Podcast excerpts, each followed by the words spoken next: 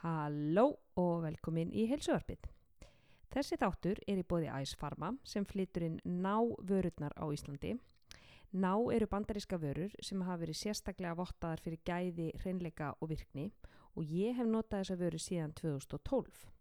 Núna um þessar myndir er ég í þeim fasa að byggja upp vöðva og er að lifta mjög þungt, rífi stálið og ég er semst að nota kreatínið frá ná.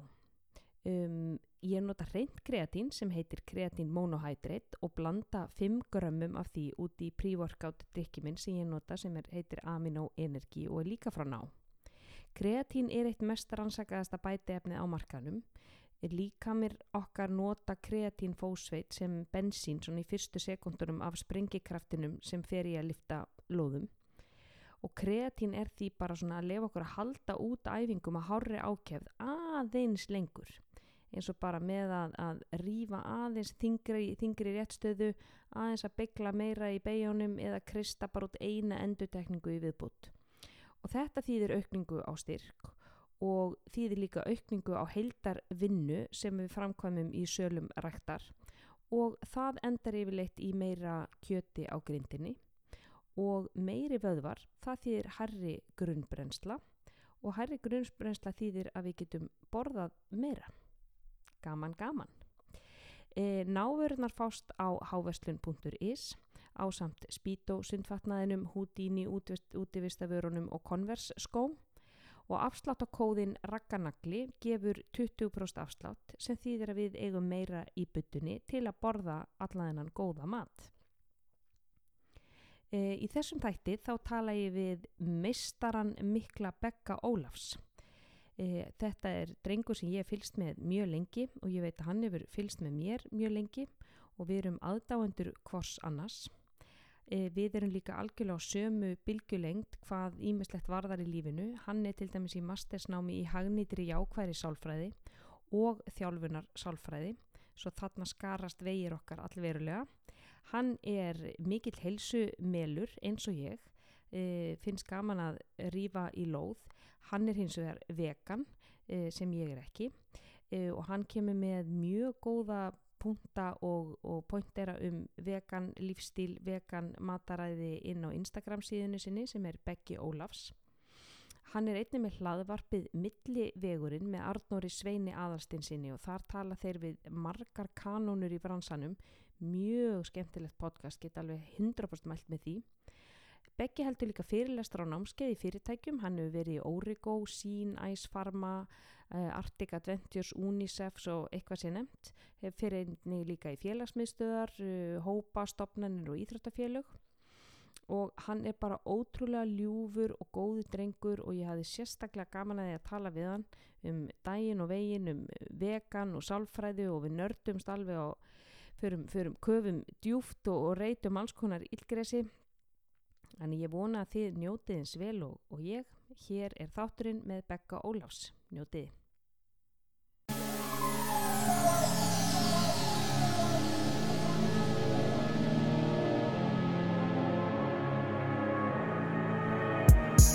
Velkomin í heilsuvarpin. Nú er ég komið með frábæran gestur minn, mann sem ég lít mikið upp til. Það er engin annar en Bergsveit Ólafsson eða Beggi Ólafs eins og hann kalla sig á samfélagsmiðlum. Hann er náttúrulega samfélagsmiðla stjarnar. Eh, hann er næstuð í kollegi minn. Eh, hann er í mastersnámi í hagnýtri jákvæðri sálfræði og þjálfunar sálfræði. Og ég ætla nú að fá forveitna staðins meira um það og bara Bergsveit, bara hjartanlega velkomin og takk fyrir að koma í þáttin bara þvílikur heiður fyrir mig eins og ég sagði við þegar þú sendir á mig að ég er bara ljómaður fyrir að eina mínum fyrirmyndum í bransanum síðustu, síðustu árin sem hefur kett manni svo margt er að fá manni í, í podcast þá var ég bara þvílit ánæður sko. hann er bara frábært þar að koma Já, ég, sko, fyrir svona gamla kellingu kortir í færtu, sko, þegar svona ungir, flotti strákar segja að ég sé ykkur fyrirmynd, þá er ég bara wow, það, það er mikill heiður. Já, ég sendi nú message að það fyrir svona kannski, hvað, það sé þrjú ár síðan kannski? Já, Já. sem ég sendi peppa þig Já, algjörlega. Og, og alltaf þegar ég seti eitthvað post þá sé ég alltaf like frá. Bergsvein Ólarsinni sko. Ég les hvern post sko, ó, indislegt, takk fyrir það. Það er svona fólk eins og þú sem að hveti mig áfram til þess að hamra áfram á liklaborðið Óli á eldin bara, já, algjörlega. Já, maður þarf það sko stundið þegar maður situr andlus fyrir fram að tölvun og bara guðmig góður, ég er búin að segja allt. Allir eru konum í leðu mér. Þá, þá er svona fólk eins og þú. Engin, að, engin að senda mig, engin að læka Nei. það er engin að læka á bara hva, hvert er mitt virði í heiminum Ég þá. skipti engum máli allt í bara á Já, já, þá Svo. koma þessar katastrófu hugsanir já, sem við þekkjum nú úr sálfræðinni. Já ég vorum að ræða þetta núna sko þú mátt hérna segja mér endilega frá náminuðinu, ég er mjög forvitin. Þú Mhm. ert í, í mastersnámi í fjarnámi frá University of East London. Mhm. og ég veit að þú er haldið fjölmarka fyrirlestra um jákvæða sálfræði um svona kvartningu og, og ert mikil fyrirmynd. Um, segðu okkur aðeins frá náminuðinu og hvernig þú ert að nýta þér það í svona þínum fyrirlestrum Sko, já, þetta er nám senast eins og þú sagði frá London og hérna það er ég er einnig rampaðan bara óvænt inn á það en þetta er e, fjarnám Mm. og ég get farað nút og má fara nút eins og oft þegar ég vil og ég ætla, er ekki búin að láta verða en ég ætla að gera mm -hmm. en jákvæð sálfræði er í rauninni uh, svona annar fókus á sálfræðinni heldur en svona kannski flest fólk tengi við að það er svona hvað er rétt við okkur og, og svona okkar styrkleikar og svona meiri kannski fólk heldur þetta segja aðalega bara jákvæðni sko Mhm. en þetta er ekki alveg þannig, ekki kannski útskýri kemur aðeins meira inn á það eftir Mhm. og hvernig við getum lifað í rauninni bara góðu lífi og hvernig við getum lifað bara svona merkinga miklu lífi Mm. og þetta er svona leiði til að í rauninni gera það og þetta overlappar í rauninni þjálfunarsálfræði og þjálfunarsálfræði er í rauninni ef við hugsaðum um markþjálfun þá Mm. er þetta markþjálfun nema þú veist, ég, þetta er mastersnám í rauninni í, mm. þannig að þetta er kannski aðeins meira Mm. og þó að þó ég veit að markþjálfur geta verið mjög, mjög vel mentaðar og svona Mm -hmm.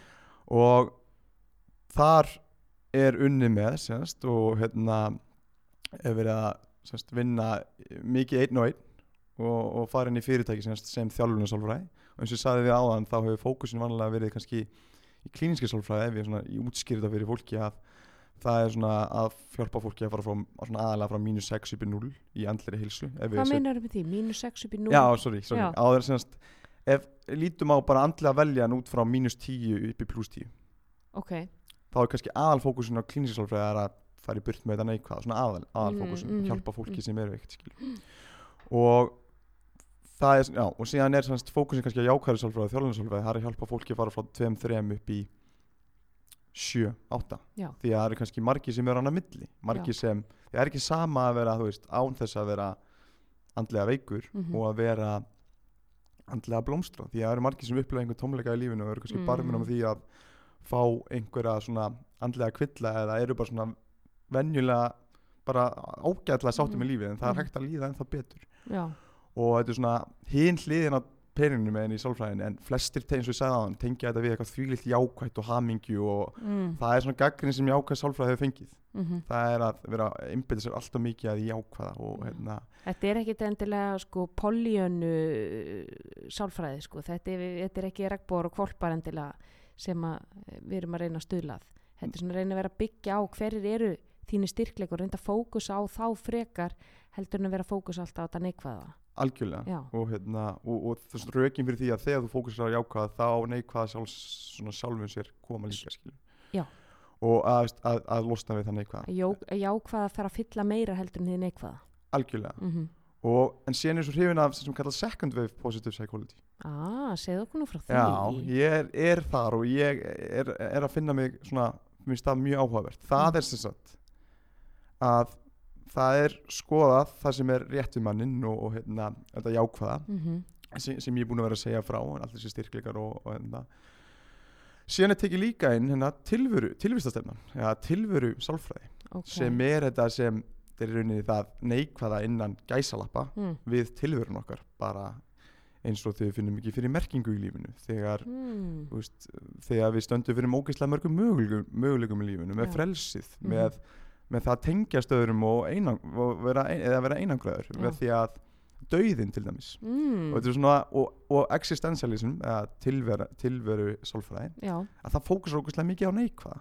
Já, þannig að með því að blanda þessum tveim uh, nálgum saman að það áttu okkur því að það er hægt að þó að sé óþægilegt stundum sem ég, sem ég gangum í gegnum í lífinu hvort sem er hegðun, einhverja erfiða tilfinningar mhm, einhverja erfiðar, erfiðar uppleganir að ef við bara tökum á móti þeim og, og tökumst á þær þó að sé erfitt Mhm. og óþægilegt að þá getum við vaksið í kjölfarið og getum orðið bara dreigið mikla ávinning á því ef við þórum og erum hugrekk og tökum Mm. mm. ábyrð á því að, að, að gangi augun á þessum tilfinningum þannig að þannig ertu komið með svona jákvæð sálfræði sem er kannski barmunum að vera í hérna, bara í klíniska sálfræði ah, Þannig þannig ertu komið með tvö approach sem Já. ég er mjög hrifin af því að Já. það er ekki raunhæft í lífinu að vera stanslist hamingisamur eða vera alltaf með jákvæð, blúsandi jákvæða tilfinningar nei, eitthvað svoleiðis. þetta, er, þetta er samblanda af gleð og sorg uh, hamingju og hérna, jákvæða tilfinningum og neikvæða tilfinningum og bara allur skalinn af þessi lífi, lífi er að bjóða sko. og leif okkur að upplifa líka neikvæði tilfinningarnar og, og sko og fagna þeim og faðma þær og þú veist eins og maður segir bara embrace them sko. En, en að muna það það er partur af, partur af programmet fyrir stella að vera stundum dabur og kvíðin og leiður og reyður og pyrraður af því að hvernig veistu þá hvernig hamingjan er? Hvernig veistu þá hvernig þið líður vel ef það er alltaf gaman nákvæmlega. Og, og það er svona mm, það er svo marga bækur sem hafa verið skrifaðar um þetta þú veist, The Happiness Trap. Við erum alltaf að reyna að vera hamingjusum og ég tala ekki um núna þegar samfélagsmiðlar mm -hmm. eru sko garga á okkur hvernig einasta degi. Allir eru svo hamingjusumir, allir eru á Tenerife og allir eru á skýðum og það er gaman hjá öllum en ekki hjá mér og akkur ekki hjá mér og samanburðurinn og samanburðurinn alltaf þjófur gleðinar eins og við vitum. Mhm. að ef að okkur líður illa að leifa okkur bara aðeins að dvelja í því. Algjörlega, það getur verið líka með svo virði í því. Já. það getur mjög virði í því að líða smá illa og það er ekki, það er ekki eðlilegt að, að raunhæft að vera alltaf hamingjusam eins og segða hann og það getur mikið, þú veist, þú veist þú verður pyrraður eða sárið eða reyður þá getur það ekki kentir fullt mm -hmm. þú veist, og og ef þú leifir ekki að vera reyður eða, eða, eða gráta eða hvað sem það er að þá kemur alltaf í baki á því mér og Já. að fresta því og fresta því og fresta því og góðu punktur sem komst með samfélagsmiðlana Mm. og bera sér saman við aðra að við sem samfélag höfum verið að svona, að rauninni normalisera það að allir er að stefna því að vera hamingsamir í lífinu. Já, að það sé eina verðu á markmið í að það er að vera, er að vera hamingisam já, en þá segi ég hvað ætlar að gera úr ekki hamingisamur mm -hmm. Þá líður eins og sért einhvers konar mistök á sért Mhm. ekki nóg Mm að þeir manti eitthvað í lífið því að allir eru að stefna því að vera hamingisamur í lífinu. Mhm. og ég held bara að það sé ekki raunheft nei, því að eins og sögum hann lífið hel- inniheldur góða tíma og vonda tíma. Já. og ég held að við erum að stefna miklu frekar að merkinga miklu lífi merkingafullu lífi. Ah, ok, útskýru það eins nánar. Já, þú veist, og við erum með sko við erum ekki fókus á að hamingja sé bara jákvæða tilfinningar. Mm -hmm. að hamingja sé, heyrðu, þegar við klárum sumafrí, þegar við klárum erfiða vinnutörn þegar þetta gerist, þá verð ég sko hamingjusamur og þegar ég næ markmiðin mig já, þá verð ég langvarandi hamingjusamur. Og þetta er alltaf þessar setningar þegar, punktur, punktur, punktur, þá. já. þegar ég eignast Teslubílin, þá Mm, veið ég hamingisamur þegar, þá. Algjörlega. Já, og við svona bindum hamingjuna í einhverja framtíð algjörlega og alltaf að býða eftir að hamingjusam já, og, síðan mætum við á, á staðinn já, og kannski upplifum hamingjur í 2-3 klukkutíma sem segjum við that's it sko. já. Og ef ég eignast þennan Teslubíl en ég er samt ekki hamingisamur hvað er að þá? hvað þarf ég þá að gera? nákvæmlega. Ef að það var einhvern veginn þú veist, ultimate markmiðið hjá mér. Mm já, og meðan þú verður um farið í Tesla-bíl þá verður þú ánæður í smá stund en síðan dettur aftur á þetta happiness set point í rauninni sem er önnur kenning um svona um hamingju í rauninni sko. það er að hérna, þetta stjórnar sínast af meðaltali þá stjórnar sínast ytri aðstæður í lífinu bara 10% hjá okkur af okkar hamingju ah, og set pointið, happiness set point þannig að alltaf þau eignast nýjan bíl eða nýtt, Já. nýja hús eða nýja íbúð eða svoleiðis, ánæður smá stund síðan dettur aftur niður ah, þannig að við erum alltaf á svona svipað eins og þingdin sko, líka með leist, leitast alltaf við svona homeostasis, hann er með ákveðin þingdar setpoint, hmm. sem honum líður vel í mm og við vitum það sko að, að ef við ætlum að grenna okkur neðar en það þá þurfum við að hafa alveg fjandakotni fyrir því. Og við þingjumst kannski ekki, við erum á svona einhverju ákveðnu bili, þú veist, einhverju 5 kílóa bili. Þannig að hamingjan er að segja að hún sé svona svipuðu rófi, þú veist, á okkur svona 5 punta skala þú veist, það sem hún sveiflast upp og niður. Eða hvað meinar með set point? Algjörlega, setpointi það við bara eitt semst kenning í ákvæðu sálfræði. Mm. Og setpointi er sem við fáum bara frá mamma okkur og pappa, bara í genunum okkar. Mm. við erum bara í rauninni fæðist með ákveði setpoint. Mm og þess, síðan, það er 50% 10% er þessar ytri aðstæður. Síðan eru við komið með það sem er eftir 40% Mhm. ef mér, ef mér skjállast ekki. Og það liggur í okkar hefðun og hugsun. Ok, þannig að þú veist það er pointið að þú átt ekki að finna hamingun eins og eitthvað týnt veski sko. þú ert að þú veist hamingsamt fólk að það sækir áskorunum það gerir hluti, það hefur stjórn á hugsunum sínum og tilfinningum, það Mm. lifir í núinu það helgar sér ákveðin lífsmarkmiði það eða tíma með fólki sem það ekki væntum það Mm. hefur ákveðin tilgang í lífinu og, Mm. og þannig að, að hamingja verður sem afleiðing af hegðun og hugsun staðin fyrir að stefna henni já einmitt, það er svolítið sem þessi kenning snýst um og þegar ég tala um merkingamikið líf já, þá er ég að tala um eins og að tala um að það var bara tengt við ákvæða tilfinningar en í merkingamiklu lífi er, þá, Mm. er, þá er pláss fyrir allan skalan af lífinu af Já. allan skalan af tilfinningum. Já. Og það er pláss fyrir erfiða tíma og góða tíma. Mhm. og, og kannski raun hafa verið nálgu fyrst með það að, að, semst, og þetta er svona þessi eudaimonic hamingja, hedonic hamingja. Svo, við kannski tala svolítið mikið um uh, na, kannski svolítið flókið. Hedonic hamingja er tengdar við þessu ánægistundir já, He hedon, hedonistísk Het, Já, hamingja, já, já. síðan sem vantar eða svo gott íslenskt orð fyrir það en það er svona, Já. svona þessi þú veist, maður talar um svona hedonistísk um, nöytna svolítið, það er svona uh, eins og það að fá sér gott að borða. Það er svona Já. hedonist svolítið. Skamtíma ánægja? Skamtíma, já, jú svolítið, já, Og- skamtíma nöytt Já, eitthvað svoleiðis. Mm Og síðan er eudaimonic sem er svona skilgrunni sem æðri hamingja. Það er svona eins og að, að finna ákveðin tilgang og merking í lífinu. Já, Það er að, veist heimsa, að umgangast fólk sem, sem þykir væntum og það er við erum svona umgangast fólk sem næriði félagslega og algjörlega og, svona, og, og það er fókusa meira á þú veist erfiðin og ferlið og Mm. hérna að upplega runni á allan mm. skala. Mm þannig að stefna að ferðalæð að markmiðinu er það sem að gefa þið merkingu en ekki endilega Já. ná markmiðinu Já, já, Og, og þar og sem aflegging af því þá ef þú upplifir hamingu mm þá er það bara frábært -hmm. og ég held allan að við eigum að, að hugsa þannig sko Já, þannig að þú átt að upplifa eiginlega haminguna í ferðalæginu sem er, er, er lífið eða að, átt að einhverju markmiði. En þurfum við endilega að vera með markmið. ég held við þurfum alltaf að vera með markmiðlínu Já, þannig að það er svona áttavitin okkar. ég held við þurfum alltaf að stefna eitthvað í lífinu Já, þannig að það er svona áfangastaður já, ég myndi segja eða svona áningarstaður, svo höldum við áfram og að næsta og næsta og næsta. algjörlega. Þannig að við erum aldrei búin, við erum aldrei búin með þetta ferðalag. nei, ég held að að því að ef þú ert ekki með markmið að stefna Já. eitthvað í lífinu Þá ertu bara að ráfa eins og bara ölvaður unglingur á skólaballi og veist ekkert hvert þú ert að fara. já, Nákvæmlega. já, og, og það hljómar alveg, þú veist, þessi, þægindi já, þessi hérna þessi langandi, þessi, þægindi sem á að koma eftir einhvern ákveðin tíma hljóma Mhm. vel já. en við vitum, þekkjum öll að líka upp í sófa þegar við fá- fáum loksins frí Mm að við erum eftir tóta já, og pæli að vera alltaf þannig já, og þá hugsa ég að það kemur ekkert langt nema ég held að maður muni bara líða illa mm.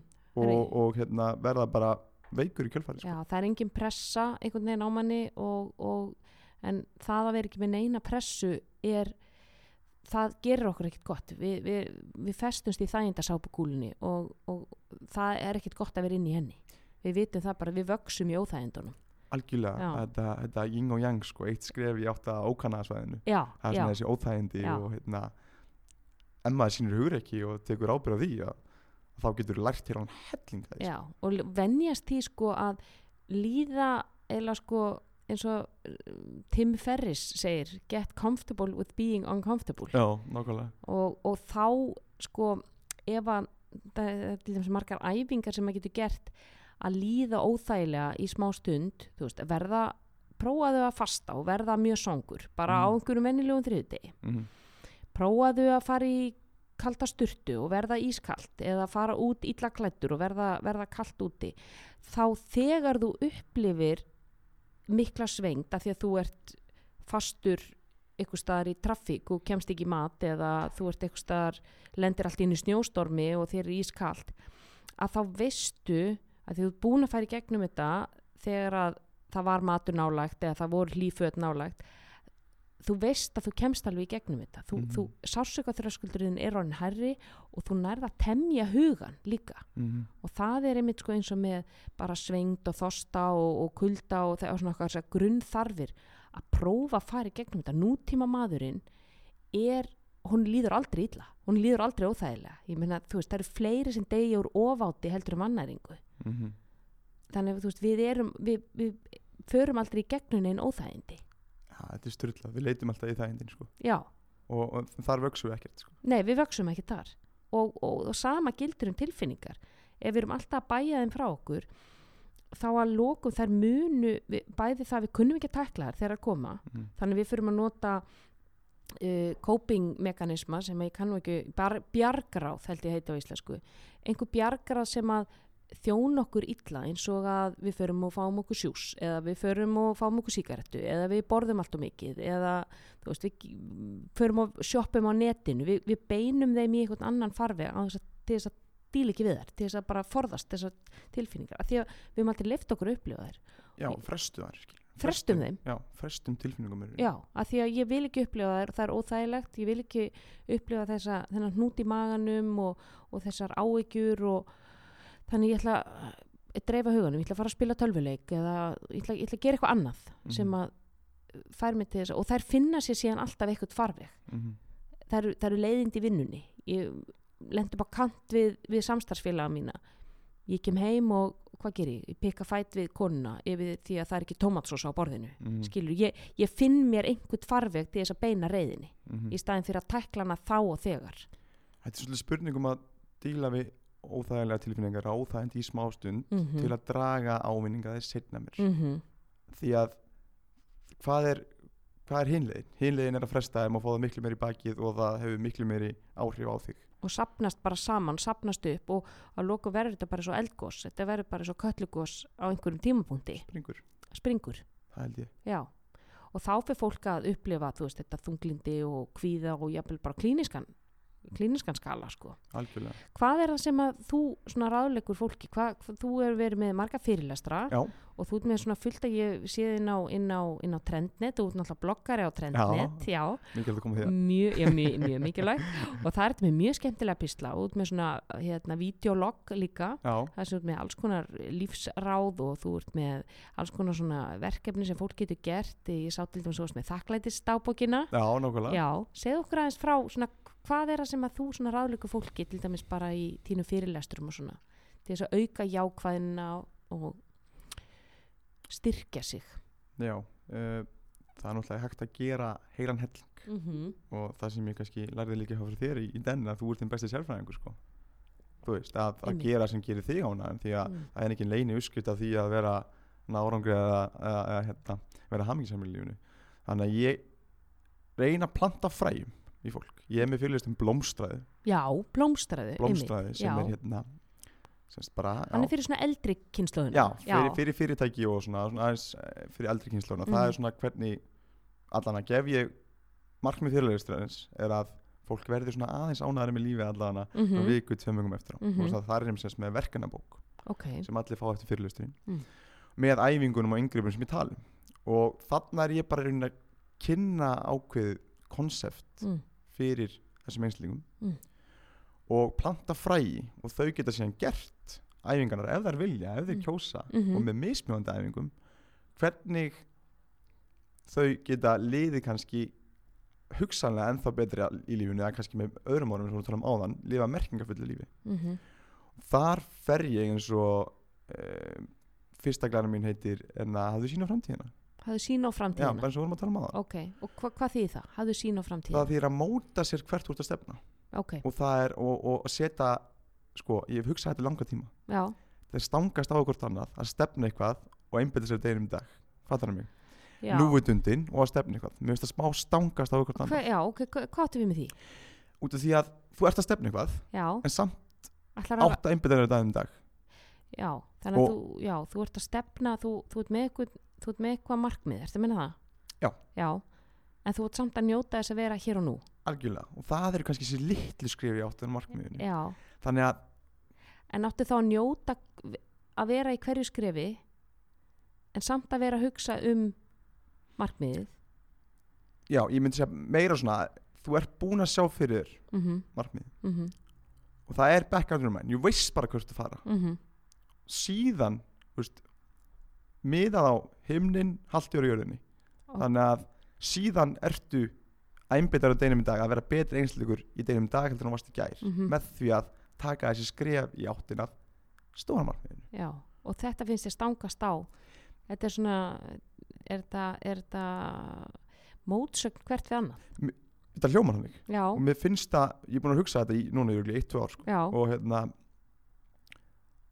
en ég held að þetta sé hægt. Ok en ég held samt, þetta stangar samt á annað Já, að einbytta sér deginum í dag og að stefna eitthvað. En hérna þetta er samt sko ef maður setur þetta svona upp í skrefin mm að ég ætla að njóta þess að vera hérna í þessu skrefi og ég finn hvernig ég sko uh, fóturinn snerti jörðina og síðan tek ég hann upp og ég set Mhm. næsta fyrir fram að mig. En ég er samt alltaf með augun á því hvert ég er að fara sest, hver endapunktur minn er. -hmm.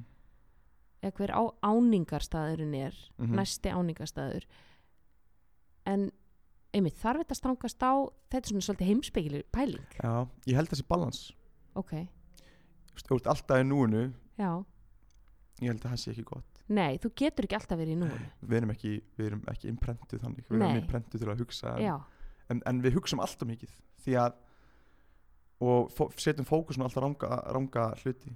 Því að þegar fólk ef Við tölum að þessum dauðan Sem Mhm. ég hef mikið náhuga líka Og Ok. það ekki sé hljómar mjög sköngilega En veist, við, líf, við lifum eiginlega meðvita blind Frá dauðan mm. Við lifum þannig eins og við höldum við fara að lifa fyrir eilu Mm og út af því við erum hrætt við að tala um döðan hrætt við að, að, að hérna, hugsa um döðan og konfrontan Mhm. því að, en samt er þetta eitthvað sem gerist fyrir okkur öll. Já, þetta er, þetta, er, þetta er eina sem er óhjákvæmilegt í lífinu Já. dauði og skattar. Já, já, ég sé alltaf bara döði, ég get bætt skrættu já skattar en þegar fólk upplifir einhvern, það er kannski að vera 50 já, Mhm. það er allt í hennu upplifir einhvern tómleika í lífinu og Mhm. hugsa um döðan mm þá oft hugsa það um hluti sem það sóaði í lífinu eða hvað það sér eftir og það er Mm. ekki bara að það vann á mikið eða tók á lífinu á alvarlega eða hafði ágjörða vitlisum hlutum Mhm. mm veist, það er það fókusar á rángar hluti þess vegna er hægt að horfa á dauðan og hugsa bara að maður ætla að líta með þetta fram hjá honum nota það sem driverfaktor Mm sem heyrðu ég ætla að nýta minn tíma á jörðinu til, til ídrasta ég ætla að Ah. gera hluti því að þú veist, lífið er bara búið eftir smá skilur. Já, lífið er núna. Lífið er núna Já, skilur og þess vegna held ég að, að núutundi komið þar á móti að hægt að hafa áhugjur en ég held að sé ákveðin ballast í stundum er alltaf bara gott að hafa áhugjur stundum plönum við fram í tíman með því að þú veist við svona ef við okkur mistekst þá erum við glár. En oft er það tilgangslust sko. Já en dauðin getur einmitt verið driving faktor eftir sem við eldumst. Dauðin verður aldrei driving faktor fyrir okkur þegar við erum ung, hann er nú langt í burtu. Algjörlega því að það þarf að láta minna okkur á það við þurfum að lendi einhver til að upplifa hann skilur eða eins og segir verðum 50 eða hérna þannig að sko eins og auglýsingaherferðir fyrir sko síkaretur mm, sko þau, þau virka ekki á unglinga það virkar ekki á unglinga með að þú getur dáið úr síkaretum þú getur dáið úr reykingum mm, vegna þess að það er svo langt í burtu. Nákvæmlega. En það virka frekar á eldri kynnslóðina að, að nota dauðan sem svona sker eða svona hræðslu áraður það er mjög áhugavert. Já, því við erum bara með þetta blind þangar til við lendum að þangar til við upplifum eitthvað svona. Já, já. Og jafnvel sko þó að þú sett unglingur sem missi fóreldrið þitt og upplifir þannig dauðan svona nálætt þér þá er hann samt og langt í burtu fyrir þig persónlega Já. já, hann, hann getur ekki verið svona prímus mótor í en, en, en hefur, hefur þú veist, kynntir að því að það er ekki margir sálfræðingar sem að einmitt svona pæla í mikið í dauðanum og það er til dæmis einn bók sem heitir Listin að lifa, listin að deyja hefur mm. Mhm. lesað hana? nei, Nei, það er, það er margt sko sem að við þórum ekki alveg að tala um dauðan og við erum svona, Mhm. mm. dauðin er svona svolítið tabú mm hann er tabú Já, og það er svona áhugavert að þú skuli aðeins vera fara aðeins inn á þær slóðir já ég held að bara séu þegar við, þegar við erum lítil að þá megum við ekki sjá þú veist, veist fyrsta lagi það er búið að breytast þannig að þegar við vorum að þróast að þá sást þú bara sjálfur um það að gera það þínu nákvæmstu -hmm. í dag þá bara er einhvers sem sér um það að þú sér þannig að tvissar síðan aftur skilur Mm. mm. einstaklingin sem er að Mm. deyja mhm, og sem börn að þá er svona st- að venda okkur fyrir þessu já, við, erum ekki, við erum ekki sett að móti þegar við erum ákveðið að ung þannig heldur sem að fjarlægast þessu já, og ég er einmitt að lesa bóknuna sem ég ekki komið langt með sem er svolítið djúb sem heitir Denial of Death sko. ah, og og eftir hvernig er hún Ernest hlustendur? Becker heitir hún, hún Ernest Becker já, en hún ok. er mjög hérna hún er mjög flókin sko, ég er alveg þar að sökka mig djúpt í það sko. en hérna, hvað voru við að já, þú, þú sérst er, segir að dauðin dau, þú, þú pælir mikið í, í dauðanum Ég- og segir hans er svona driving faktor fyrir okkur en við vorum að tala um það hvernig núið er mótsögn við markmið. Já, og, og, og það er að koma út af því að þú varst að, við vorum að tala um fyrirlestrana fyrirlestrana sem heita blómstræðu sem þú fer með í fyrirtæki og Mhm. þær fær fólk alls konar verkefni mm, og til dæmis eitt af, eitt af því er, er að fólk á að skrifa niður styrkleika sína eða ekki? nei, reyndar ekki, ég er Nei? ekki með styrklingan ég, sko það er ógeðslega mikið í ákveðið sálfræði styrklingar ég, ég er ekki alveg þar. Þú ert ekki þar? ég er ekki alveg ég er bara að prýtsa sem ég hef trú á sko. Ok, þannig að, það er um að gera að cherrypicka það það sem að maður hefur trú á í, í hverju hugmyndafræði. Algjörlega og ég, ég kaup ég kaupa alveg og náttúrulega góða rannsókn sem sýnum á styrklinkum Mhm. og eins og staðin í dag að þá nótast ég ekki mikið það. Nei, en ég tók einmitt via karakter þetta er hérna svona styrklingapróf ég bara til að sjá hvort ég væri eitthvað eitthvað nær en, og, en og hvaða styrkleika hefur þú? heyrðu, það var heiðalegi, nummer eitt. Já, A Law of Learning. Ok, og þannig að ég tengd alveg við já, margt af þessu sko. Já Ég skal alveg skrifa til það að þú er mjög heiðarlegu maður. Já, það, takk fyrir það. já, en ég held að, eins og kannski klárum hann dauða að þá er það eitt af þessu sem er gefið í tilverunni þú veist. Og, og eitt af þessu sem ég nefndi áðan með hérna, existentialism eða tilverusálfræði mm en síðan er ég tala ég aðeins um erfileika Já, af því að eins og ég sagði áðan þá er óumflýjalegt að gangi gennum lífið á þess að gangi gennum erfileika og þar tala ég um veist, hvernig, er- hvernig er hægt að kannski munurinn af fólki sem er hamingisandi í lífinu eða munurinn af fólki sem ná, ná, ná árangur í lífinu mm það er ekki út af því að lendi færri erfileikum það er heldur hvernig þeir kópa við erfileika hvernig þú dílar við að því að þú getur ekki stjórna því sem gerist fyrir þig en þú getur stjórna hvernig þú bregst við því. Algjörlega. Já, þegar það skiptir til mestu máli og þú hefur alltaf stjórn á þínum viðbröðum en þú er ekki stjórn á því að einhver keira á þig eða þú missi vinnuna eða þú missi makkan eða veist, það er eitthvað sem þú hefur ekki stjórn á í lífinu. Algjörlega. En hvernig þú, hvernig þú tæklar það og hvernig þú vinnur úr því og þínar hugsanir og, og þitt hugar frá gagvarti það er eitthvað sem þú hefur stjórn á. Og Mhm. það mun síðan hafa áhrif á þitt tilfinningarlíf sem hefur áhrif á þín líkamlegu viðbröð og lífeðlislegu viðbröð hvort að þú sett alveg syndandi í streytukerfinu, kortisólin, noradrenalínu, adrenalínu alla daga eða, eða hvort að þú sért að þú veist, losa út oxytósin eða þú veist, fá þessa nánd eða þú veist, að einhvern eða fá þessa snertingu og, og, og, og notfæra þeir það til þess að díla við þetta erfiða algjörlega Já. og eins og þú sagðir að rauninni sko ég mæli með að fólk lesi hérna leitina tilgangi lífsins eftir Viktor Frankl eða Man's Search for. Meaning hún er eina af í mínu betri bókum sem ég lesið. Einmitt, hann var í einangrun að búum nasista, já, hann lifiði fáralega erfiðar aðstæður en hann Mhm. sagði mitt að, að það síðasta að það er hægt að taka eitt sem er ekki að taka frá frelsi einstaklings. Það er hvernig við bregðumst við aðstæðum í lífinu. Mhm, og það er í í okkar valdi þú veist. Því hvað er, er hinlegin? hinlegin er að vorkina sjálfum sér mhm, líta svona sem fórtalamb og lífið sé og halda að lífið sé eigi að vera réttlátt mhm, mann skilur sá, sá hugsun alveg vel því að lífið er í grunninn þjáning sko. mhm, það er bara sannleikurinn í bútisma sko. og en maður græðir ekkert aðeins til lengdar þannig að maður þarf að hugsa þegar líður á allan að leifa sér að finna til og svona að Mm. hvernig maður ætlar að láta erfiðleikana eins og styrkja sig eins og við tölum um áðan sko. því það, mhm. þó að sé ókslega erfitt þá er það rétta leiðin held ég sko. finna merkingu í þjáningunni algjörlega já, að því að þú gerir það ekki þá lendur í sko svona lærðu hjálpaleysi þú Mm. verður svolítið eins og hundarnir í búrinu sko, þú, þú, þú, þú leggst bara niður og þú gefst upp mm ef að þú ætlar alltaf að horfa á lífi þannig að, að það sé óréttlátt að þetta A, B, C kom fyrir þig -hmm. því að í rauninni þá kemur A, B og C fyrir alla þú Mhm. veist, það, það, en þú kannski sér það ekki nákvæmlega já, en dómarinn í hausnum hann hérna, Já, dómarinn.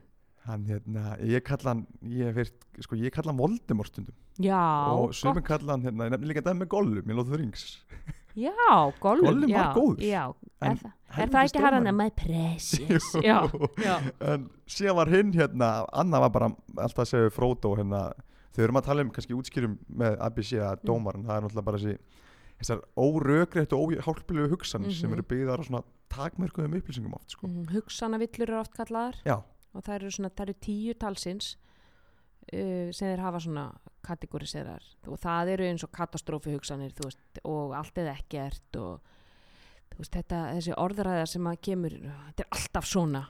Þessar, þetta, svona kemur alltaf fyrir mig típist mm. lesi hugsanir hjá öðrum að taka hlutunum á Já. persónulega fókusera bara á neikvæða mm -hmm, að halda lífið sér réttlátt. Mm -hmm. og þú veist, þú er gengur eins og við töluðum maðan sko en það fyrir podcastin veist, þið gengur ítla á verkefni í vinnunni hérna, þú er búin að missa vinnuna uh, Mhm. þú hefur ekki peninga fyrir fjölskyldinni og lífið er búið, eða lífið er ónýtt. Þú ert oft bara komin bara lengst. Já, það er þessar katastrófu. Katastrófi hugsaninnar já, já, og akkurat hugsanalesturinn hann kemur nú svolítið líka inn á, inn á uh, samfélagsmiðlana og, og hvernig þeir eru svona að, að búa til þann veruleika fyrir okkur núna.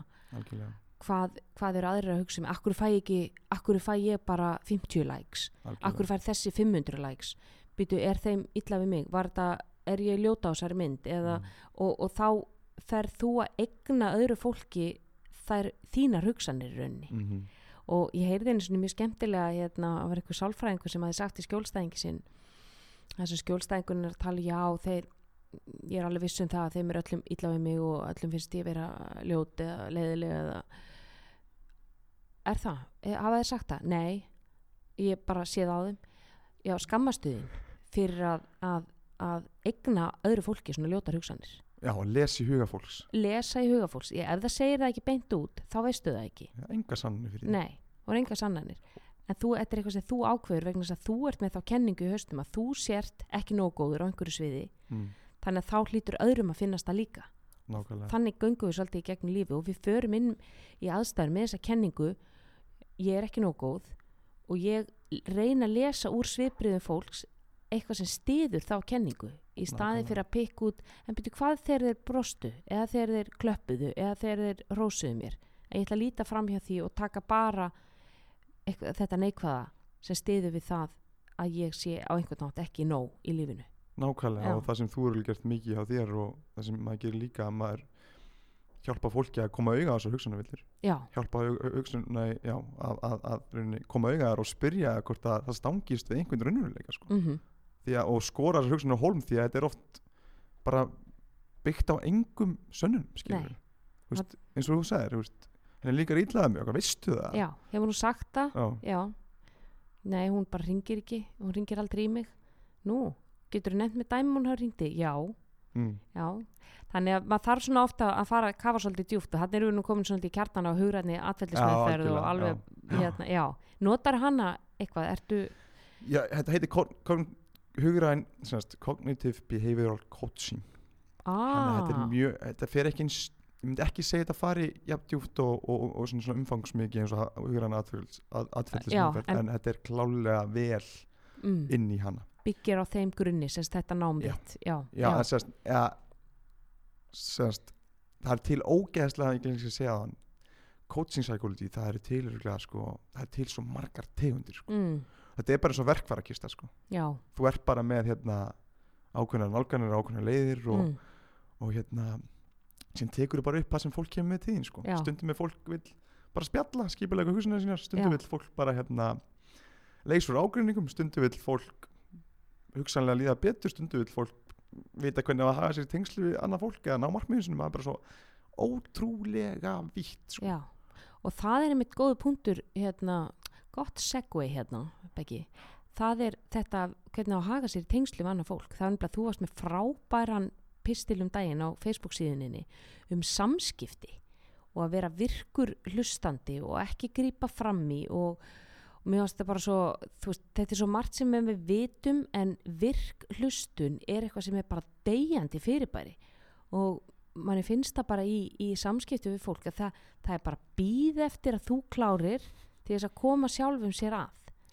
Við erum öll svo ógeðslega sjálfselsk. Já, það er bara í grunninn eru við bara sjálfsælsk Já. það verður bara viðkennast og það eru allir hugsa um mig, mig, mig, mig, mig. Mm og eins og segir að þá er þessi hugs þessi, þessi, virklustu hún er að deyja út. Því að þegar þú segir eitthvað þá er fólk bara eins og þú sagðir að býða til að koma sér á Mhm. framfæri og byrja, til að byrja að tala um sitt sem tengis kannski engu umræðum sem einslingur var að tala um þá kemur engin dýft í samræðunar nei, og einslingurinn kann ekki þið verði ekki hérna, betri einslingar fyrir vikið. Nei, og þess vegna er svo gott að geta hitt sálfræðinga eða eða, eða, eða, þjó- eða markþjóla eitthvað svo Mhm. sem þú færð að skipilegja hugsunarinnar sem þú færð að tala við einhvern sem hefur bara virkilega áhugaður já, og bara leiði þér að tala. Því að veist, það er ótrúlega hvað fólk segir og einfallega hlustar sko. Og- prófa að hlusta og spyr þig betur aðeins út í það sem þú ert að segja og hversu Nákvæmlega. oft lendir maður í því í daglegu lífi þar sem að einhver spyr þú ert að segja frá einhverju og einhver spyr aðeins dýpra ofin í það í staðin fyrir að koma bara með dæmis úr eigin lífi eða, Nákvæmlega. og þú talar um sko ekki grípa fram í Já. það er kannski svona hraði samfélagsins er orðin þannig að fólk grípur ofsalega mikið fram í Mm. og, og leifir einhvern veginn ekki einstaklingum að klára og annað sem er svolítið skemmtilegu punktur hjá þér það er að taka saman það sem Mm. að við komum til að segja. Já ég veist ég heyri það að þetta var svona svona upplifun fyrir þig. Mm. að spegla í rauninni hvað viðkomandi eða viðmælandiðin er að segja. Ég heyri það og ég er búin að prósessa það og ég er að setja það í eigin orð. Og þá mannstu það líka. Algjörlega og, og hérna þá eru við líka bara sömu blaðsju veist, þá segir hann já, ég var að meina það eða nei, heyrðu, ég var að meina þetta hérna. Mm. og það getur verið góð regla að taka í eindum setningum eftir að einslingunni er búin að tala og því að ef þú temur góða samskiptið líka Mm einstaklingum mun virða þig helmingi meira fyrir vikið. Hann mun bara vera, wow, það er Allan einhver hérna að hlusta á mig. Okkur mér líður 100%. vel að tala á þessa mannesku Já. þér líður vel því að er þetta er ógæslega erfitt þetta Mhm. er fáralega erfitt því að maður vill alltaf koma sér sjálfins að eða aðteklingin reykar eitthvað eitthvað sliðis en þér líður betur því þú ert raunin að gefa af þér sko. Mhm. dýftin í samræðum verður miklu betri Mhm. þið verður miklu nánari fyrir vikið og, og þú verður bara með betri nervur og fólk man alltaf eftir þér það er, það er hvernig nervirann þín er og ég, ég heyrði einhvern tímann um daginn þar sem að sko ég verið að segja já okkar verðmætasta auðlind er tíminn þá sagði einhver nei verðmætasta auðlindin okkar er aðtiklin okkar. Mm, hvert beinu við aðtiklin okkar og sérstaklega núna þar sem að við erum bara sko við erum komin alltaf bara með aðtiklisbrest því að Mhm. það eru öll þessi upp og, og, og sér bara hvernig fréttir eru. Fréttir sko þær lifa í þær lifa í, í ekki, ekki hálfan dag. Mm, þetta er bara nýtt, nýtt, nýtt áreiti á okkur alveg stöðugt. Þannig að við erum, við erum við náum ekki að halda fókus nema bara einhverja örfáar mínútur, ég meina ef þú fer inn á YouTube það er engi sem klikkar á vídeo sem að er þú veist, klukkutími eða við viljum bara tvekja mínútna helst bara eitthvað 30 sekundna mm, þannig að aðtiklin okkar ef að við veitum virkilega aðtiklið sem að viðkomandi er að segja með því einmitt að taka það saman setja það í orð, já ég heyri það að uh, þú fóst hérna til Ameríku og þér fannst ekki gaman í, í, í Los Angeles. Mm, þér fannst San Francisco fallir í borg að þá svona við, við verðsetjum það held ég meira en ennþá meira í dag með allt þetta sem að dynur á okkur alveg stöðugt. Til sammála? Algjörlega Já. samanlega og kannski gott triks til að halda einbindingu það er ofta að spegla líkanstjáningunni hjá og taka eftir líkanstjáningunni ah, það getur verið mjög gott upp á það að halda einbindingunni Beggi Ólafs er með lifehack það getur verið mjög gott sko þannig að ég, ætla hann að vinna mikið með það sko ok, segja okkur hvernig á maður að gera það bara eins og þú ert núna, þú ert með hendunar á hérna borðinu Já. og þá myndi ég núna setja hendunar á borðinu og ah. þú myndir ekki taka Ah. eftir því sko og síðan, Já. eða þú veist, ekki alveg identikal Já. en svona mjög svipað já, en síðan stundum kannski er þú róleg já, og ég vil kannski leggja áherslu á eitthvað þá kannski kem ég og mismatsa body language þitt já þannig að þá kveiki ég aðeins á þér og ef þú ert Já. kannski á væsta þá fer ég kannski aðeins niður og þá fer ég niður með þér já, já, þannig að þetta er mikið í body language sko. já, þannig að þetta er bara þetta er bara svo mikið vöndun á þessu í dag og Já. þetta er bara ógeðslega erfitt því að við erum sjálfselsk og aðteklin er að reyka endalust og Já. þetta er bara vandfundið sko. selfie kynnslóðin sko nær kannski ekki alveg að heldur að lesa í líkamstjáningu Nei. annara sko Nei. Nei, það er náttúrulega bara að vinna líka sko það er það já, alveg klálega Já, sko já, það er, það er, það er alveg þjálfun og, og, og, og ég vil meina sko að sumileiti er það meðfætt líka það er Mm. ekkit, það er ekkit öllum gefið að kunna lesa í líkamstjáningu hjá fólki og Nei. svona þessi tilfinningagreind sem að sko, jú við auðvitað getum lært, okkur, lært og tamið okkur hann en það er einhver ástæða fyrir því að sumir fara út í svona humanistískar greinar, þú veist, í- út í sálfræði og aðrir eru bara meira röglega þengjandi og, Mm. og fara í, í þá, veist einhverja svona eins og verkfræði eða, veist, við erum bara öll svo misjöfn hvað þetta varðar algjörlega mér finnst alltaf ótrúlega, ótrúlega kraftmikið að þegar maður sér líka sem einhverju öðrum sem, að, sem ég gerir þegar fólk kemur tíma í sálfræði í þjálfunarsálfræði að þú veist, segja bara, heyrðu, ég sá þú varst að upplega eitthvað annað og hallaði svona fram upp eftir borðið og varst svolítið æst, að, þú veist, ekki kannski lýsið tilfinningu þeirra en þú hallaði fram að borðið og hvað varst að upplega annað já, það er bara svona, já ég var Já. svolítið svona æst þarna og ég var svolítið svona þú veist, þetta skipt, skipti mér bara miklu máli og ég þetta kannski að hafa meira áhrif en ég held og já.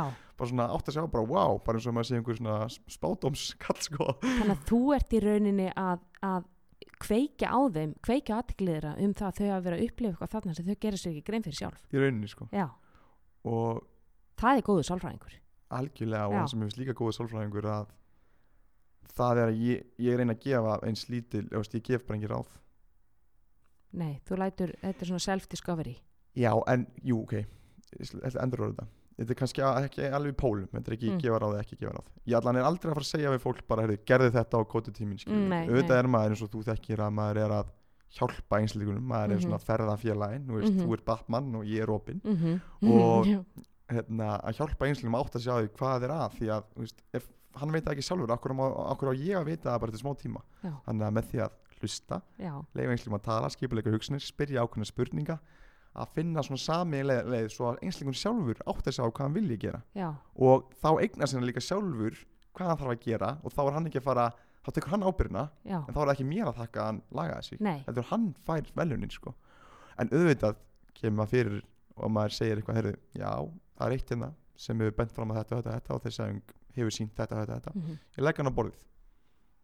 Viltu taka hann eða ekki, það Já. er í þig komið. Ég er Já. aldrei að fara að segja þér að gera þetta. Þannig að þetta er svona aðeins öðru sín nálgun allan sem ég fíla rosalega Já. mikið sko. Þa, ég, ég- myndi eiginlega segja sko hann er Batman og þú ert í rauninni sko tækjagurinn já, þú nákvæmlega kannski kemur með verkfærin Já. og hér er bara verkfærakista þú getur Mm. nota hérna þú veist, sjónaukan sem að sér í gegnum fólk eða Mm. þú getur nota byssuna sem að þú veist, eh, lítur út eins og hanski eða þú veist hvað það er Mhm.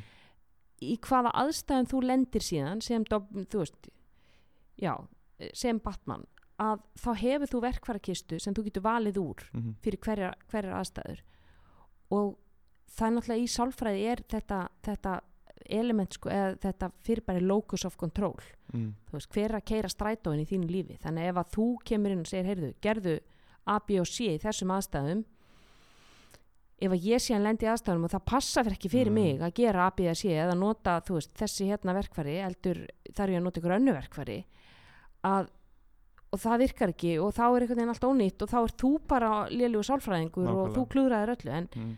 það er þetta þessi valdefling sem við þurfum alltaf að passa upp á Mhm. að einstaklingurinn sé hann er rauninni ber ábyrð á hann er strætópílsturinn í sínu eigin lífi Auðvitað, Já. við þurfum líka það, það þarf að hugsa, við erum að hætta að leggja ábyrðin aðra mm. Þú Mm. berð ábyrð, þú þarf að taka ábyrð sko. og því meiri ábyrð sem þú tekur og því meiri merkingu færði í lífinu sama bara með mataræði, ég meina maður veit að ef að ég gefði mataplan út að borða hérna klukkan 12, áttu að borða eina kjúklingabringu og 150 grömm að hrísgrunum mm. mér langar ekkert í það. Mm, mér langar ekkert í það núna en ég þarf að borða það og æ fuck it, ég ætla ekki að borða það og ég ætla að fá mér bara eitthvað allt annað. Og þá er það er ég bara hægt að fylgja þessu plani og þessi þjálfari eða þessi sem að litum á mataplani hann er innan ekkert að vera hjá honum. Þannig að þú ert ekki raunin, þú ert ekki að taka ábyrðan inn Mm og valfrelsið er alltaf þú veist, líkillinn að árangri. Að þessi internal locus of control þú veist, að að, að vera strætóbílstjórin í sínu eigin lífi, þú ert ekki farþegin algjörlega og þetta frelsi sem við tala um valfrelsi sko, Já. þessi möguleikar sem ég kom inn á líka að við erum svo mikið að möguleikum og oft erum við svo mikið að möguleikum að við þórum ekki að taka ábyrð og fara á okkur möguleikum Nei.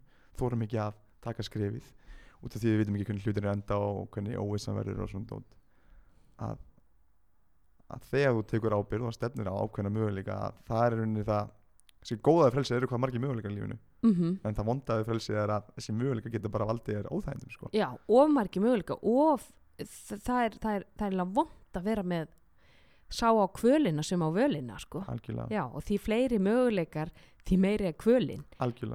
Ef ég hef bara einn möguleika ef það er bara eitt í bóði ég verð að taka það. Mm. og, og þú veist, ég hafði ég, það að taka ákvörðun er náttúrulega kvíðavaldandi. Já, ef hvað tek, hvað ef þá koma kvíðahugsaninnar, hvað ef ég tek vitlis ákvörðun, hver er útkoman? hver verður útkoman? Er raunhæft að vita útkomuna? nei, Ef væri lífið skemmtildu við sem útkoma Nei. myndur þú, en nú nefni ég fótballtadæmi já, myndi ég nenni að horfa á leik sem myndi enda 3-1 Já. og ég myndi vit, nei, Vita horfa á það leik, vita það fyrirfram að Já. hann myndi enda 3-1 Já. ekki séns, myndur þú fara á, á kvikmynd í bíó um til vita að hann deyri endan ekki séns. Það er þetta þetta er, þetta er þessu tilvöruna sem við, við sko er kannski óraunhæft að losna við. Já, það er þessi tilvöru kvíðirinn og þessi tilvöru þessi, sem fylgir óhjáðankomulega já það er spurningum að sína hugur ekki og hvað er að versta sem getur gerst og hvað ætlum ég að gera í því ef það gerist? Nákvæmlega. Þá, þá getum við tekið þetta var uh, sálfræði meðferð á tveimur sekundum gerir þetta og komið áttu síðan talað um yes, gjör svo vel, takk fyrir. Nei, já, Já. algjörlega. Já, síðan hefur maður eins og þessum fyrirlistum þá er líka verið að tala um hérna svo þú talar um á hann, berið sér saman í sjálfa sig. Já, og mikilvægt að næra, næra hérna síði félagslegum tengslum. Tengslum og líkanstjáningu, ekki, ekki að fylgjast með líkanstjáningu öðrum heldur hvernig við berum okkur. Mm þannig að mér finnst bara ótrúlega gaman að geta plantað einhverjum fræjum mhm, og hugsalega að, að betrum bæta lífið hjá einhverju fólki. Ég fæ bara því líka að velja hann því og það er kannski bara ástæðan í grunninn af hverju ég er að gera þetta allt sko. og það er líka velgengnin felst í því, velgengnin felst í, sko, mér, finnst það að starfs velgengni starfi, sérstaklega starfi eins og okkar felst ekki í peningum, hún felst í því að einstaklingnum líði betur og hann upplifi velíðan og Mhm. það finnst mér vera það er success, algjörlega Já, og já. svona eitthvað sem fyrir svona aðeins æðri en maður sjálfur sko. veist, því að í rauninni ef þú hugsaður sjálf að þig að eftir þann punkt að því meira sem í rauninni gefur að því betur munir þeir fíla sko. þannig að betur, munir þeir líða sig já, en auðvitað er viss punktur á því þú ert alltaf að eins og þú nefndir og maður er líka að setja súrinskrífuna sjálf og sig árum maður setur aðra sko. já, það kemur þessi sjálfsarækt sem Já. við gleymum stundum Já. já, þannig að já, það er kannski balans þar á milli sko. já, en það er alveg indislegt, já eins og þú segir já en peningar koma bara sem aflegginga af þessu sko. já en talandur sjálfsrækt, hvað gerir Beggi Ólafs til að rækta sjálfan sig ég veit að þú ert vegan já, og, og borðar svona plöntumiðað fæði og Mhm. ert mikill íþróttamæður og ert í, í fjölni eða ekki rétt hjá mér jú, já, fótbolta Já. Og nú náttúrulega gamla mítan um það að þú getur náttúrulega alls ekki stunda íþróttir sem vegan. Við, það er allt játnið og B12 og allt en því séð út alveg bullandi vannæringu. Próteinu og allt já, próti, já, já, já. Þannig að því þú nú aldrei búin að rekja allar þær mýtur hvenær gerist þú vegan? heyrðu, 2015 Já, í ágúst. Að þá var semst kærasta mín að taka út kjött og, og svona var að velta þessu veganisma fyrir, veganisma fyrir sér og ég var alveg brjálaði náttúrulega með mína mm, kallmennsku að ég ætlaði sko aldrei að hætta bara kjött Mm. og ekki fræðilegu möguleika, ég sleppi því og síðan bara horfið á myndir og ég eflaði með svona upplýsingar um mynda, skoðaði Mm. greinar og hlusta á podcast og síðan var í podcastinu var hérna Varnamærin FL sem var 300 pounds sem er sem er svo 150 150 kíló og hann talaði um að hann vantaði ekki prótin þá var ég bara where do I sign? Ok, þannig að hann var vegan? Já, hann var vegan. Og Alright, hérna þannig að ég prófaði þetta mánuð já, og hef ekki snúið síðan þá sko. nei. Og ég er örugglega einn af þessum fáið sem þyngdust af því að það byrjaði að vera vegan. Að það, ég held ég erst að borða svo mikið þannig að ég þyngdist alveg um 2 kíló sko. ok. En já, mér líður bara vel og svona fyrst og fremst var þetta út af framistu íþróttum mér langaði til að hámarka Já, mig í fótbolta. Já. Og var sagt að þetta bæta, gæti bætt endurheimt og svona Mm. orku. Mhm, þannig að það var ástæðan fyrir því og síðan komið inn í eðrar aðrar heilsufars ástæður eins og Mm. þú veist með þessa lífstílsjúkdóma komið í veg fyrir þá í rauninni. Mm, og síðan núna hefur þetta náttúrulega er reisastór bónus hvað það gerir gott fyrir síðfyrir og dýrin og umhverfið. og umhverfið, og núna er þetta bara komið að það ég er bara komin í svo góð rútinu já. Ég bara bara hérna, þetta er mest sálsæðir hlutur í heimi fyrir mig. Mm. Þannig að mér líður vel. Svo líka úrvali núna, þetta er bara allt annað og bara og ég örgla bara síðan 2015 er örgla bara heimin og hafa á milli. Já, það er allt komið, veganbúðin.is til dæmis núna með allt sitt úrval það er í umf í, í, í fristinum, veist það er, er allar þessar bönir, flottu bönir sem hættir að fá. Bara vegan samfélagið á Íslandi er rosalega upplugt og, og, og einhvern veginn krafan um að fá gæði. Við náttúrulega ölumst náttúrulega upp við að fá ameríska vörur. Veist, ég veit það búandi í Danmörku að úrvalið í Danmörku er sko ekki á það er ekki á neinu leveli við það sem gerist hér sko. Mm, þannig að við erum svo, svo kröfuharði neytendur. Við viljum bara fá gott úrval og hafa gott úrval. Við erum vöndi mhm. þannig að vegan samfélagi kallar á á gott úrval af, af alls konar vörum og ertu ekki saman að því að það Jú, er, svakaleg rauninni bara vitundavakning frá því ég frá því, að, frá því ég byrjaði fyrst sko, því að þú getur farið nánast að hvaða stað sem er hérna bara á höfuborgarsvæðin allavega og fengið eitthvað vegan. Já, sem er bara ótrúlega fínt sko, ég held líka bara fólk sem opnar fyrir þessu, fólk veit meir um þetta. Já, fólk er ekki alveg eins dómhart og, og með svona fó, fordóma en gagvart þessu? Já, þeir eru orðið miklu minni. Miklu minni, þetta er svona orðið svona kannski eðlilega, já, tók kannski smá tíma til að þetta Já. og kannski smá meiri vitneski bara. Já, því ég skil fólk, ég var þessi gæði já.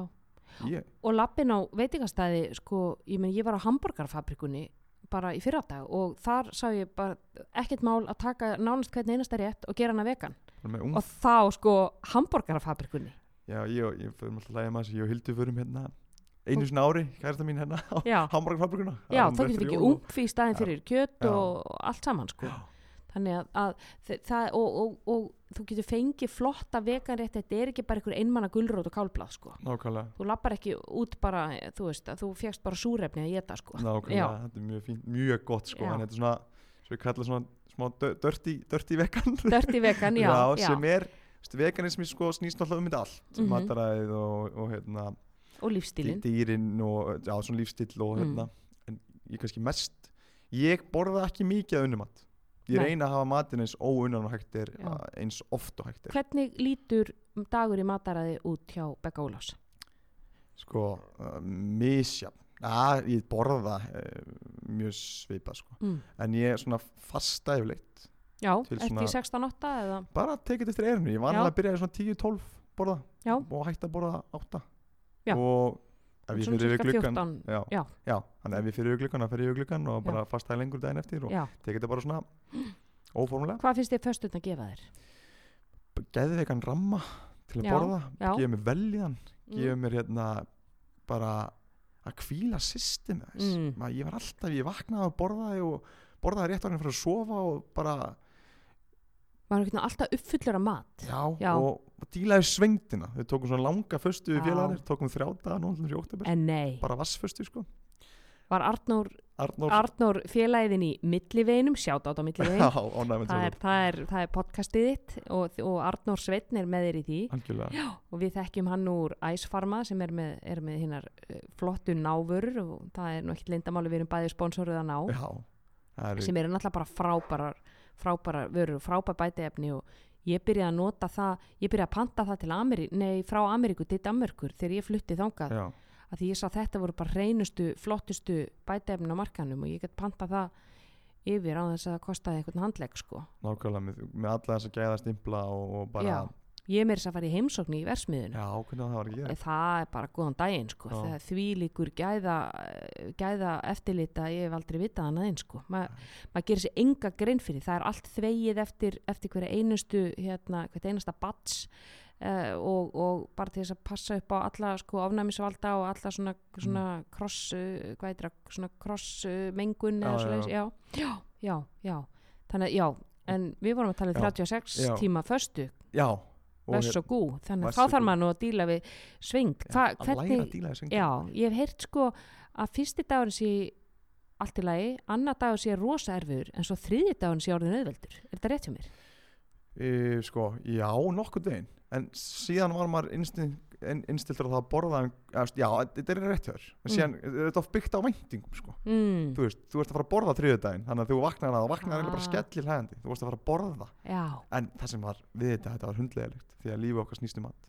Já, það er bara pásur í vinnunni og hérna, hlakka til einhvers og þannig að þetta var hundlegilegt, þetta var gott challenge óþægilegt challenge. Já, en svengdi var mikil fyrsta daginn, að, jú, fyrsta daginn og annan daginn. Og tómleikin sem maður fekk þegar maður vaknaði og maður vissi ekki að maður fara að borða var svolítið erfið já, já, það er held ég mitt, sko, annar dag, til fyrsta daginn, sko, þú ert búin að borða daginn áður, mm -hmm. þannig að þú nærði einhvern veginn sem færi gegnum hann. Þess vegna er sko annar dagurinn bæði hausinn og líkaminn. Mhm. Þú ert ekki með neitt í systeminu frá deginum áður. Mhm. Þú ert búin að fasta þann dag. Og þú ert ekki að fara að fá neitt að borða þennan dag. Mhm. Þannig að sko hausinn þarf að díla við það. Þriðji daginn, daginn vaknaru, þú er náttúrulega urlandi hungraður en Mm. þú veist að þetta er að fara að vera búið. Þú sérð fyrir endan á þessu. algjörlega og það talaði um að á þessum þriða degi að þá breytist þetta rauninni í, í keto ástandi í rauninni sko. Ah, þá ferði, já. Já, og, Já. og þar á þetta að vera skelli bara skell, maður á að skelli hlæða gennum það sko. Ok. þannig að, og síðan eh, hefur þið einhvern staðar að þegar maður verður síðan svangur aftur eftir þriða daginn, Mm. þá á maður helst svona að byrja að borða þannig að fólk fastar alveg heil langa tíma en eins og dílaði svengdina það sem ég bara, ég var alltaf borðandi, tveggja tíma Mm. mm. þurfti alveg saman Mm. hvort ég var sattur eða svangur og, Mm og að það sé lægi að vera sattur fannst mér bara svo frelsandi tilfinning Já, það var bara svo frelsandi, það gerist ekki neitt þá maður sé sattur í smá tí- tíma já. þó að sé kannski, maður er líklegri stundum til að þetta er sukki þó að maður er sattur í ólanga tíma nei, Mhm. svangur í ólanga tíma, Já, það var bara svo frelsandi en það sem ég fann svona Það er ekki heimsendir að vera svangur, sko. Það er okkur eðlislagt að vera svöng og algjörlega, að sko losa út grelín sem er náttúrulega okkar svengdarhormón. já, Það líka opnar hjá okkur bræðlökana og við verðum, við finnum meira bragð af öllu. Allt verður miklu betra. Þannig að það að leifa svengd að koma fram í líkamannum er bara mjög mikilvægt fyrir okkur til að upplifa og njóta matar. sko En við einhvern veginn leifum því aldrei að gerast. nei, það er hérna maður verður að borða bara alltaf strax líða það er rauninni sko, og Já, já, já. en já, við erum að tala um matinu það ekki Jú, hvernig er, sérst, þú byrjar að þú fastar, já, já, og þú, svona, þú borðar svona klukkan 10-12, hvað 10 færðu eða þér? 12 bara eftir skapi uh, sko ég vinn eiginlega við gerum aldrei á sig alltaf vinni með græna smúþí sko. Ok, hvað er í Bara- grænum smúði? það er mikið að grænkálsmyndi Mm. það er, fer oftast eftir höfðunni hvað er til í spíjandur en grunnurinn er svona þannig ég býtir kannski 2 lítri einu Mm. set mikið grænt og banana og papriku og engifer og bláber green fighter foods frá ná Já, það er frábæð blanda. hampfræ Já, uh, sem eru geðveik notur eitthvað prótínduft? yes, þegar ég vil gera vel við mig þá ger ég með svona súkulaði blábera banana prótein Ertu þá með Shake, sko. plantprótín komplex eða ertu með píprótín já, eða plant prótein komplexina en að Dutch cocoa hana? svakalega gott Það er rosalega gott. Og síðan sitt ég flaxfræ Já, og kanil og svona og bara vinn með það sem er til heima. Já, og fæ mér það svona uh, 700 ml eða eitthvað sliðis síðan fer maður annarkvort, ég er náttúrulega að vinna mikið með glow ég er náttúrulega, ég er í tím glow já, já. þannig að ég fer ótrúlega mikið þangað. Eina glóskál. já, það er ótrúlega gott. Og síðan, þú veist, núna undarfærið við erum mikið með bara með chiagröð Mm. bara lótað chiagröð með þá bara eplum og kassunutusmjöri og Mm bara svona kaloríur í skrokkin Já, síðan finn ég mér eitthvað uh, í millimál, það er bara einhverju ávöxtir, einhver grammiti naked bar eða... naked bar eða, eða hérna hummus eða Mm. uh, eitthvað sem bara rauninni fyllir mig. Mm og síðan er það bara kvöldmatur. Þá er vannilega hildur rosa duglega að elda. Já. einhvern, einhvern plant-based mat. Já, það er allt frá því að vera með Mexikomat og það er bara Mexikomatur eins og án kjúklings. Bara nota sem er krydda og bönir og tofu og svona. Ok. við erum mikið með tofu Já, þannig þeir eru, en, en, en umfið í, í Mexikomat. já, við vinnum stundum með það. Já, það er svona, mjög okkur finnst það svona spari. Spari. já, svona, svona fyrsta lögadagur kebab umfið, ég er bara... þetta er rosalegt sko. Já, og já, þannig að það er svona, mjög góður plöntufæðismatur sem, sem tekur síðan við í kvöldmatum mhm, og hvað sem það er sko. Mhm, en það er oftast tofu, einhverja bönir, sæt Mm. kartabla mhm, uh, mikið að, að, að, að grammiti mhm, það er einhver svona svoleiðis blanda sko. mm. Þannig að þetta er, það er ekkert mál að vera vegan því með þú sér alla flóruna, ég meina ég er bara fann að slefa hérna yfir það er Klukkan hvað ég mæta í kvöld. það er bara, Já. þú veit bara opið hús Já, mætir Já, í það. En þetta, eins og sé, já það er þessi náttúrulega eins og að komast í nýja vennir það er erfitt, mm það er erfitt að temja sér nýja vennir það er erfitt að komast inn í plöntufæði það er vinna, mm en þegar þú ert komin inn í vinna þetta er orðið að venju þá er þetta eins og sjálfsæða hlutur, eins og með allt. Já, eins og Hann- færi ræktina Já. eins eins og með allt saman. Eins og með allt saman, Já. þetta er sama dæmið sko, með plöntufæði þannig að eins og, ég sagði áðan þá er þetta bara venja á mér, bara sjálfsæða hlutur sko. og þú hugsar, hugsar um því með góðu mataræði með því að, að aðhyllast vegan lífstíl. Mm. hvað gerir annað svona í sjálfsrækt? Og þá er ég ekki að tala um líkamsrækt, ég er að tala um það er að tala um gymmið já, nei, já, við vitum að við náttúrulega rífum í átn og allt það sko. já, já. en, en hvað erum við að gera? Hvernig erum við að, þú veist, í staðin fyrir að sko, working out mm. hvernig ertu working in? Hvað ert að Mm. gera, hvað er það, hvernig er það næra innra, innra lífið? Ég til dæmis not er ég ríkilega mikið aðdáðandi í, í að kulda já, ertu, það, það er náttúrulega bæði líkanlegt og andlegt Mhm. mm já Þú getur ekki hugsað um annan kuldan í þú ert í kuldanum, hann er ríkilega góð nú já, ferði ekki svona kæli, kælipotta Já, já, fer í kælubotta og fer í, annars fer í kalda styrtu já. og nánast daglega bara, það er þetta óþægilega, koma sér smá óþægilega rastafar hverjum degi. hvað finnst þið það gefa þér? Ég byrja daginn á kalda styrtu Mm. og bara svona, ég minn langar ekkert að fer í hana Mm ég fer í hana, það er óþægilegt -hmm. ég degi ekki, mér líður vel eftir hana Þá er bara svona, yes, það er ekkert að fara að býta á mig í dag sko. Nei, það, það, það er margir sem segja þetta byrjaðu daginn á þessu óþægilega mm. Og, og eitthvað svona challenge, eitthvað óþægilegt Mhm.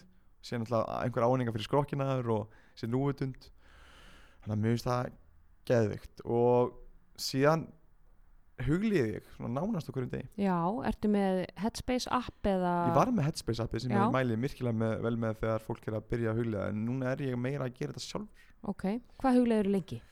svona miða við cirka tíu mínútur Ok, og mér er bara eitthvað gott við það að slökka á þessum áhyggjum og Já. þessum hugsunum með fortíðina, framtíðina og þetta er svona, þú byrja daginn vel að þá fer einhvern veginn allt upp sko, við þekkjum öll munin að byrja daginn illa og, mm og byrja daginn vel þannig að Mhm.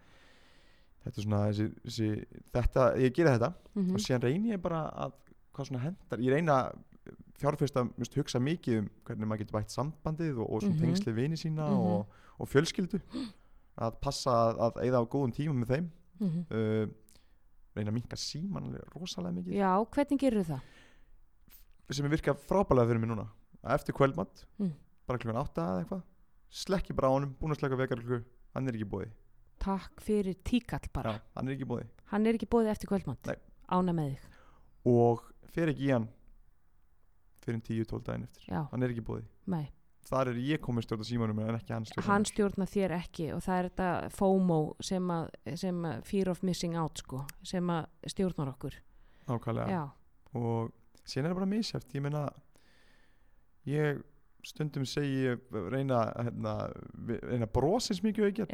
Brosa fólk út á götu, reyna með góða líkanstjáningu því ég veit að það gerir gott fyrir mann og gott, gefur, gefur svakalega gott fyrir annað fólk. Bara fá eitt bros, það er ótrúlegt. Maður fær 99% til líka maður fær tilbaka.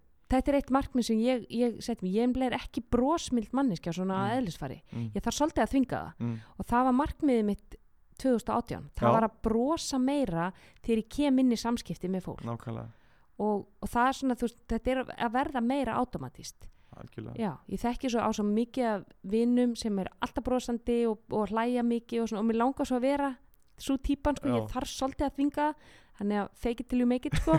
já, já, það er ekki tilbúið komment í rauninni já, einmitt, bara þangar til þetta verður svona second nature, sko. Já. En mér er svolítið áhugavert með síman. Hvað finnst þér að gefa þér að slökka símanum eftir kvöldmatt og ekki opna hann? ég verð bara svo sko, ég verð rugglaður á því að vera mikið í símanum Já.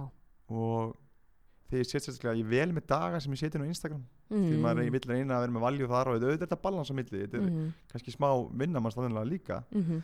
en mér finnst ég hafa miklu meiri áhyggjur og svona þegar ég er mikið á social media og þegar Mm. ég er að setja sjálfur inn Mhm. þannig að mér finnst það gera gott fyrir bara heilsunum mína bara Mhm. mína, mína veljan sko. Mhm. og hafa ekki af því hvað er að gerast og mér finnst líka eitt við þetta að sérstaklega þessi screen time kom Time sem, sem kemur oft vikulega hjá fólki eða flestum sem er með iPhone upp á hvað ert mikið í símanum Já.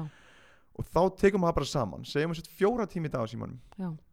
ok, segjum við sett að sóa þrem tímum á dag í símanum þannig að það eru 21 klukkutíma á viku Já, pælti í því. Það er sólarringur á viku sig út í símanum. já, og, og do the math Já. fyrir, fyrir 52 vikur sem er ár já, þar serðu bara að þú ert að sóa já, tímanum og tímin er framtíðin, tímin er rauninni peningur og hugsa út í þannig sko. og eins og við sögum áðan hver er þín dýrmætasta auðlind? Hún er tími en hún er líka aðtekliðin þannig að meðan þú ert í símanum þá ert þú ekki að tala við kærastunuðina þú ert ekki að tala um mömmuðina þú ert ekki að sinna félagslegum tengslum við vinniðina eða þú ert ekki að næra andandin á neitt hátt. Algjörlega. Þú ert bara að horfa okkur að tvíviðar verur á skjánum sem eru á, í skíðafrí í ölpunum og allt í hennu á maður veit af, maður er inn á Facebook og allt í hennu maður komin einmitt inn á einhverjar badnamyndir hjá okkur manni sem maður þekkir ekki neitt. Nákvæmlega, þú veist, og þetta getur farið bara tvei tímar í þetta. Já, bara fára langu tími og ég mæli líka með að þú ert að fara að hitta einhvern. Mm. eða ert að fara hérna, í einhvern hitting að skilja síman eftir heima Já. eða út í bíl. Já, þá er hann bara þar og þarf ekki að hafa okkur, Já. þarf ekki að kíkja hann þetta er bara líka oft bara van að grípa í hann þegar ég er komin já, á og allt í hennu grípið sjálf hann búin að vera hann inni í heilanga tíma. Og setja sér reglur, ég með eina reglu ég reyna að vera ekki í símanum þegar ég er í almenningssamgöngum Mm. og því að nú ætla að býja í Danmörkan ég er oft í lest eða er í, þú veist, þarf að fara í strætó og þú veist, ég að hjóla ég vilt allt sem ég fer en, en ef ég þarf að fara í almenningssamgöngur að þá er það regla hjá mér að ég fer ekki í síman Mm. mm. ég set mér ákveðna regla eins og ef að ég fer í, í hús þar sem eru einhver býr upp á fjórðu hæð eða fimmtu hæð þá lappa ég stigan mm. En ef það er meira en svona fjórða fimmta hæð þá, þá má ég taka liftuna Mm. þannig að það er svona ákveðna reglur og það er ótrúlegt að sitja í almenningssamgöngum og horfa fólki það eru 99% í símanu sínum Mm. og bara, hvað er það að missa af? Mm. Þú veist, að horfa bara á mannlífið og flóruna og, og allt sem er að gerast í kringum okkur Mm. en við erum föst og við erum komin svona skjaldbökuháls við hýmum yfir þessu litla tæki Algjörlega. stýra okkur ég, veistu, ég er ennþá í þessum barning sko. ég er ekkert, ég kem sjálfur mér ofta því að vera alltaf mikið í símanum sko. En maður er einhvern veginn að reyna að vinna í þessu sko. þannig að maður er alls ekki bara með, með kontról á símanum, ég held að sé bara fíkn sem svona flestir hafa sko. mm.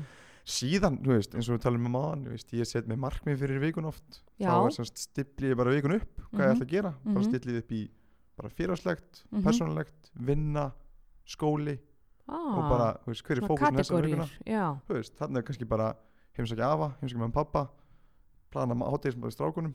Uh, Gott. persónulega gæti verið bara eins og núna setti ég mig fyrir vikuna að vakna fyrir kl. 6.30 á hverjum degi. Já. Gekk vel, mjög gekk, vel. bara Hag- náði í öllum, öllum dögunum þannig að með þess að fyrr, klukkutíma fyrir ofta svona.